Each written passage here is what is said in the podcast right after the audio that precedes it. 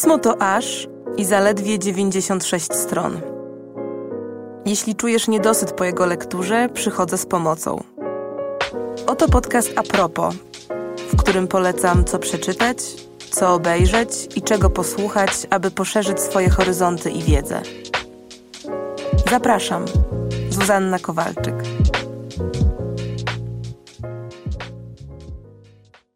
Ogromnie się cieszę, że słyszymy się w nowym odcinku podcastu a propos. Odcinku, który powstał we współpracy z Azjatyckim Festiwalem Filmowym Pięć Smaków, który rozpocznie się 16 listopada i potrwa w warszawskich kinach do 23 listopada, a w wersji online do 4 grudnia. No, a skoro Azjatycki Festiwal Pięć Smaków, to słusznie możecie zgadywać, że będzie to odcinek jakoś związany z kulturą Azji, a konkretniej tym razem będzie to odcinek a propos Japonii. Japonii, czyli kraju, który mam wrażenie, podkreślę, że wrażenie całkowicie subiektywne, ale jednak obecne, że jest to taki kraj, który jakoś najmocniej skradł takie zachodnie imaginarium o tak zwanym Dalekim Wschodzie. Imaginarium, na które oczywiście składa się cała masa klisz, stereotypów, różnych wizji, wyobrażeń i w jakimś sensie też oczekiwań względem tego, czym jest Japonia, a nierzadko w konsekwencji też czym jest takie nieco spłaszczające rzeczywistość pojęcie jak azjatyckość. I żeby nie było ta szczególna pozycja Japonii w zachodniej kulturze, to, że Japonia stała się takim swego rodzaju emblematem kontynentu, emblematem tego kawałka świata, jest dla mnie w jakimś sensie zrozumiałe, ale chcąc unikać właśnie tychże klisz, postawiłam sobie za cel nagrać ten odcinek tak, aby ani razu nie padło w nim, no poza tym razem, który uczynię teraz, określenie kraj kwitnącej wiśni. Tak. A nie mały wpływ na to takie klasyczne, choć z dzisiejszej perspektywy nieco anachroniczne podejście do Japonii, podejście pełne właśnie bardzo często takich jednowymiarowych i silnych przekonań na temat kultury tego kraju. Bardzo duży wpływ miały na to takie książki jak choćby Chryzantema i Miecz. Chryzantema i Miecz to jest książka amerykańskiej antropolożki Ruth Benedict, która powstała w 1946 roku jako takie ukoronowanie badań nad kulturą Japonii, które Benedikt zleciły w trakcie II wojny światowej amerykańskie władze. Zrobiły to oczywiście po to, żeby lepiej zrozumieć swojego ówczesnego wroga. Natomiast, co ważne z perspektywy czasu, a więc takiej perspektywy nieco bardziej świadomej co do motywacji kolonialnej, też perspektywy przechwytywania głównej narracji przez Zachód, perspektywy orientalizowania krajów odmiennych kulturowo od tak zwanego Zachodu. W tym kontekście o książce Benedikt ciężko nie wspomnieć, bo jednak stała się taką podstawą amerykańskich, a później w ogóle kapitalistyczno-europejsko-amerykańskich wyobrażeń o Japonii i tym samym w jakimś sensie wyznaczyła w ogóle swego rodzaju ton i zakres skojarzeń wokół opowieści o tym kraju na bardzo, bardzo wiele dekad, więc należy podkreślić, że książka ta spotyka się dziś z pewną krytyką. Krytyką powiązaną właśnie z tym orientalizującym, a więc takim podkreślającym różnice, oddalającym sposobem nierzadko patrzenia na inną kulturę, który był dość ściśle związany właśnie z tworzeniem na jej temat pewnych wyobrażeń, nie w oparciu o bycie w danym kraju, poznawanie mieszkańców tego kraju, czy poznawanie języka, którym się w tym kraju ludzie posługują, ale w oparciu o badania najczęściej robione zdalnie na podstawie dzieł i tekstów kultury dostępnych za oceanu przez zachodnich badaczy. No i cóż, takie były wtedy możliwości i takie były wówczas okoliczności badawcze. A trzeba też przyznać, że Chryzantema i Miecz jest książką, która nie została, mimo tych swoich dość istotnych ułomności, jakoś skrajnie potępiona w samej Japonii. ten zaproponowany przez Benedykt słynny podział na kulturę wstydu, która zdaniem Benedykt charakteryzuje kulturę japońską, i kulturę winy, która miała jej zdaniem charakteryzować kraje zachodnie. No, ten podział uznaje się do dziś za całkiem trafny, nierzadko wciąż aktualny. Oczywiście, jak to tego rodzaju próby takiego syntetyzowania jakiejś złożonej kultury do bardzo czytelnych, jednoznacznych kategorii, są to kategorie w nieunikniony sposób spłycające i w jakimś sensie przez to niebezpieczne, ale jednak Chryzantema i Miecz jest po prostu książką ważną na kartach historii, ważną w perspektywie antropologii. Mogę wręcz dodać, że fragmentami czyta się ją na uniwersytecie do dziś. No i rzeczywiście poza tym ciekawym bez wątpienia spojrzeniem Benedikt na kulturę Japonii, na to, co najsilniej ją charakteryzuje i też jak przez spotkanie z tą kulturą Zachód może inaczej spojrzeć na siebie i na własną kulturę.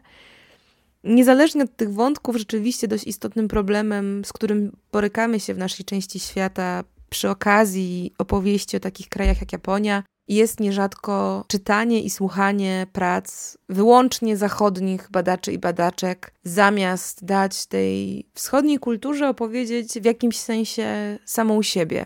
I doskonale ten problem opisuje w swojej również bardzo znanej i również bardzo ważnej książce zatytułowanej Orientalizm Edward Said, o tej książce nagrałam zresztą kiedyś cały osobny odcinek podcastu Dziś w książce, więc nieśmiało do niego odsyłam, jako że tam poświęciłam jej dużo więcej miejsca i, i mam poczucie, że dostatecznie dużo, by choć trochę głębiej zarysować te rozmaite, stojące za orientalizmem mechanizmy, które Said objął tą swoją refleksją refleksją bardzo potrzebną, bardzo ważną i też dość powszechnie dyskutowaną, którą w skrócie można sprowadzić do takiej myśli, że ta zachodnia opowieść o wschodzie od wieków miała bardzo kolonialny, przeinaczający i egzotyzujący stosunek, który można wręcz potraktować jako taką kwestię silnie ideologiczną i celową. Said, co prawda, koncentruje się w swojej książce przede wszystkim na zachodniej narracji o islamie i o kulturze tak zwanego Bliskiego Wschodu, ale mam poczucie, że bardzo wiele tych mechanizmów, które Said opisuje, doskonale aplikuje się też do tej zachodniej opowieści o tak zwanym Dalekim Wschodzie. O czym zresztą opowiada też Karolina Bednarz w swoim podcaście Tajfunowe Przypisy, podcast o Azji. Karolina Bednarz, czyli założycielka księgarni i wydawnictwa Tajfuny, wydawnictwa, które wydaje zresztą bardzo pięknie literaturę Azji Wschodniej. No i właśnie po tych przekłamaniach i stereotypach dotyczących między innymi Japonii nie znam lepszej przewodniczki niż Bednarz. Co zrozumiecie, jeśli posłuchacie kilku odcinków jej podcastu, na przykład odcinka zatytułowanego Azja Wschodnia, a niedaleki wschód, czyli o orientalnych fantazjach słów kilka, albo odcinek Czy Ikigai to faktycznie japońska recepta na szczęście, albo odcinek Czy istnieje coś takiego jak japońska estetyka. No, Karolina z dużą wiedzą i taką mam poczucie też dużą odpowiedzialnością za kulturę, odpowiedzialnością za język, za słowo. Rozprawia się właśnie z tymi mitami, od których wszechobecności zaczęłam, pokazując, że Japonia w tym zachodnim imaginarium zajmuje szczególne miejsce, które niesie za sobą szereg konsekwencji. A jeśli uważacie, że jest to przesada, to naprawdę polecam przejrzeć półki, czy to fizyczne, czy wirtualne, różnych sklepów i księgarni z książkami dotyczącymi Japonii. I zobaczycie, że są to głównie tytuły zawierające jakieś japońskie słowo i dorabiające do tych słów wielkie filozofie, które może nawet nie tyle są nieprawdziwe, ile raczej no właśnie, są często reinterpretowane i podkoloryzowane pod potrzeby zachodniego odbiorcy. i bardzo rzadko mówią coś prawdziwego na temat japońskiej kultury. Raczej tworzą takie japońsko podobne produkty kulturowe, które mają szansę dobrze się sprzedać na zachodzie. A to jest dość istotna różnica. Doskonale chwyta to zresztą też reportaż Karoliny Bednarz. Reportaż, a dokładnie książka reporterska zatytułowana Kwiaty w pudełku.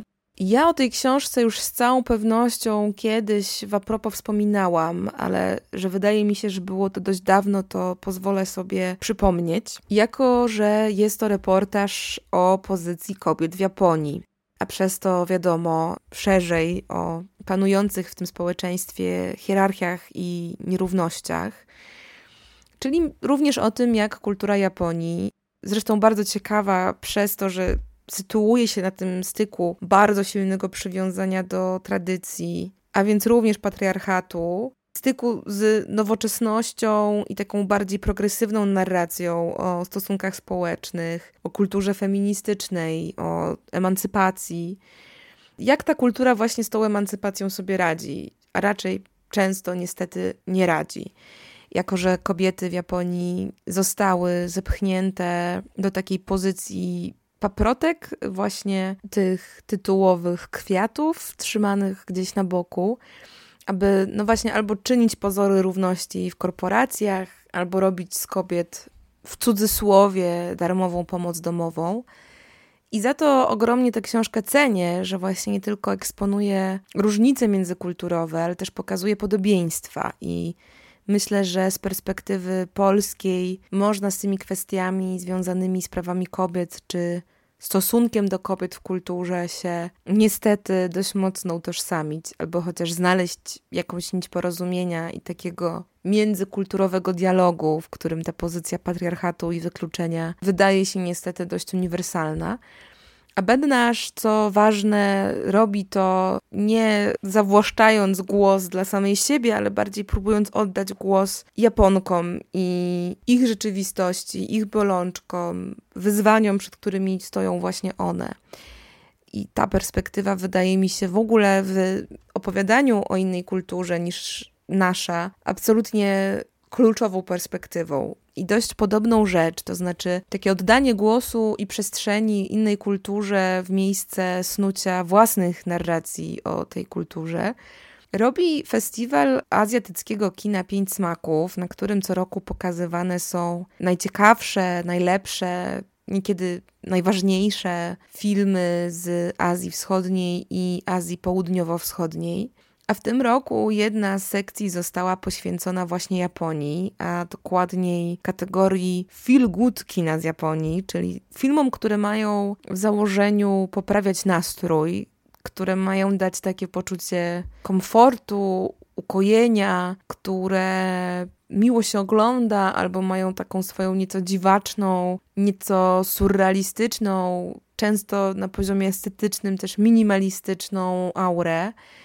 Często są to też filmy, które pochylają się nad relacjami, relacjami właśnie takiej mikroskali, to znaczy są to filmy dość blisko człowieka, które opowiadają o czułościach, uczuciach, przyjemnościach.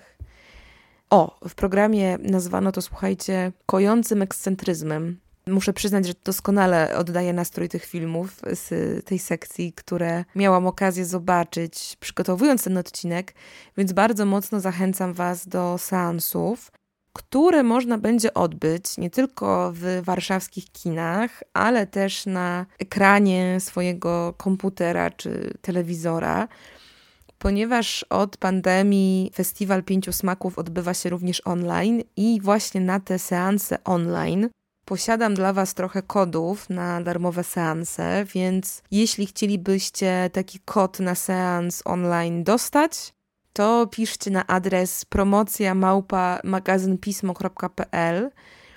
Piszcie, jaki film z programu tegorocznej edycji chcielibyście dzięki tym kodom zobaczyć i czemu właśnie ten film, a najciekawszym odpowiedziom wyślemy w odpowiedzi kod na darmowy seans. Seans, przed którym też warto sobie, nie wiem czy warto, ale niektórzy lubią uzupełnić sobie nieco wiedzę z zakresu japońskiego kina. lub po prostu dostarczyć sobie trochę informacji, aby bardziej świadomie dokonać wyboru tych festiwalowych seansów.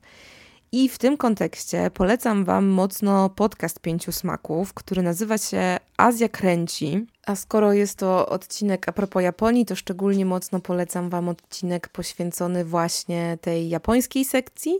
Odcinek ten nazywa się Czułe rejestry japońskiego kina, więc jeśli wolicie oglądać filmy z odpowiednim przygotowaniem, to koniecznie ten odcinek poleca się Waszej uwadze.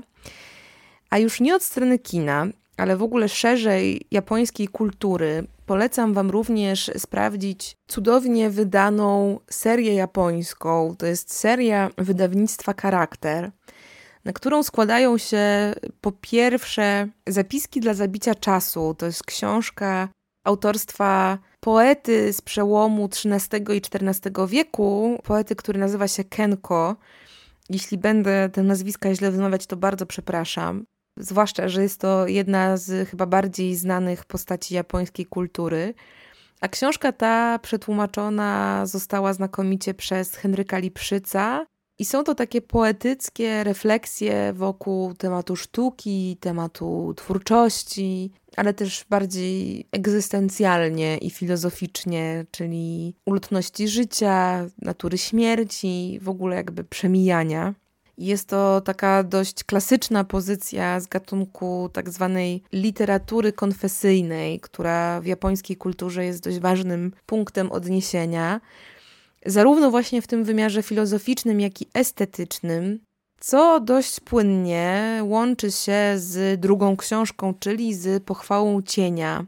To jest książka Junihiro Tanizakiego, również bardzo znany esej, esej oryginalnie wydany po raz pierwszy w 1933 roku, który znany jest nie tylko w Japonii, ale w ogóle na świecie. I właśnie w ogóle na świecie uważa się go za bardzo ważny tekst z zakresu estetyki i wyjaśnienia tego, co często rozumiemy pod pojęciem tego tak zwanego japońskiego minimalizmu.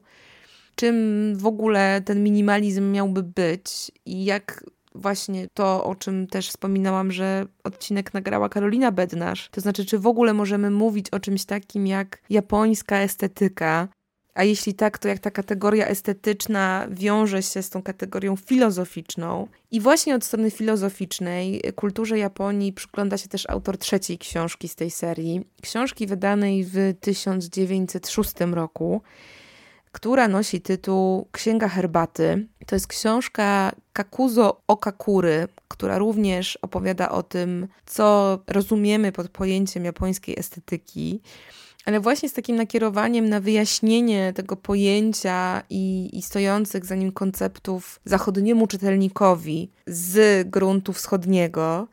Ramą dla tej opowieści jest, jak wskazuje tytuł zresztą, historia i filozofia rytuału picia herbaty, na podstawie którego Okakura tłumaczy właśnie wpływ filozofii, wpływ religii, ale też wpływ estetyki na codzienne życie i podejście do życia wyznawane przez Japończyków.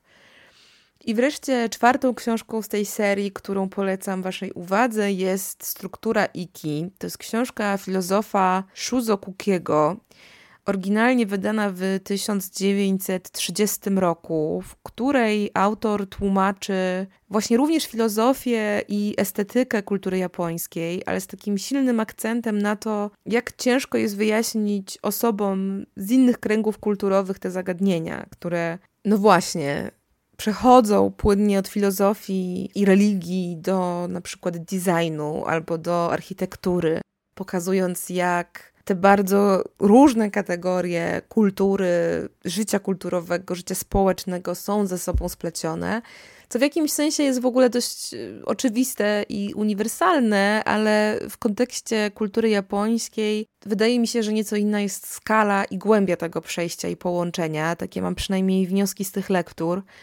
Więc jeśli właśnie połączenie tych różnych planów jest dla Was ciekawe i chcielibyście trochę swoją wiedzę w tym zakresie poszerzyć, to seria japońska wydawnictwa Charakter, lektury obowiązkowe. No właśnie, zwłaszcza, że Japonia nie jest jakimś odseparowanym obszarem świata. Jak cały świat również ulega globalizacji. I te obecne w Japonii tradycje również są poddawane próbie czasu. O czym z kolei pisze w książce Japonia utracona Alex Kerr. Alex Kerr to jest amerykański autor, który mając 12 lat zamieszkał z rodzicami w Japonii. Ostatecznie spędził tam niemal całe swoje życie i na własnych oczach przekonywał się właśnie, jak tę tradycyjną japońską kulturę zaczął stopniowo wypychać taki gospodarczy boom, który był dość silnie powiązany z kapitalizmem i modernizacją całego kraju. I pewnie w niektórych z Was może się pojawić taki zgrzyt czemu polecam książkę amerykańskiego autora o Japonii, skoro tak dużo mówiłam wcześniej o tym, że za dużo mamy właśnie tych zachodnich narracji o wschodzie. I byłby to zgrzyt absolutnie zasadny, gdyby nie fakt, że Kerr zrobił coś całkiem wyjątkowego. To znaczy, Kerr napisał książkę o japońskiej kulturze po japońsku i dla japońskich czytelników. Więc jeśli ciekawi Was ten najbardziej tradycyjny wymiar japońskiej kultury, opowiedziany właśnie z perspektywy historii i tych zachodzących w niej zmian, głównie na przestrzeni drugiej połowy XX wieku, to lekturę Kera bardzo mocno Wam polecam. I słowem końca skoro już o historii tego kraju napomknęłam, to pomyślałam, że warto polecić też coś, co o Japonii mówi nie tylko właśnie od strony kultury, ale też od strony jej historii, okoliczności politycznych. I w tym kontekście polecam Wam mocno książkę Michaela Buffa. To jest książka, która po polsku nosi tytuł Japonia, Chiny i Korea o ludziach skłóconych na śmierć i życie. Książka, która przede wszystkim pokazuje i analizuje przyczyny konfliktów i zbrojnych, i też po prostu napięć politycznych czy międzykulturowych pomiędzy tymi trzema krajami wymienionymi w tytule. Przyczyny, które oczywiście nie są wolne od podłoża geopolitycznego, od podłoża historycznego czy kulturowego. Zwłaszcza, że ta tak zwana polityka historyczna jest w tym obszarze szczególnie silna i istotna, i za jej pośrednictwem bardzo dużo różnych perturbacji politycznych się w tym regionie świata odbywa. Więc jeśli chcecie zrozumieć te okoliczności, jeśli zależy Wam na tym, aby zrozumieć relacje Japonii z jej sąsiadami, pozycję Japonii w kontekście politycznym w regionie, to, to książkę Buffa bardzo mocno Wam polecam. Zwłaszcza, że choć jest to temat dość trudny i na pewno złożony, to jednak mam poczucie, że Buffowi udało się go ująć całkiem przystępnie, dużą dawką takiego humoru i lekkości, które to zresztą w ogóle wydają mi się dobrze chwytać samą Japonię, w kontekście której ta wspomniana przeze mnie sekcja filmów Japan Feel Good, no, mówi chyba więcej niż tysiąc słów. Więc raz jeszcze zachęcam Was do sprawdzenia programu Festiwalu Pięć Smaków. Polecam lektury, polecam filmy, polecam podcasty, wszystko co z Japonią związane. I jak zawsze żegnam się słowami do usłyszenia niebawem.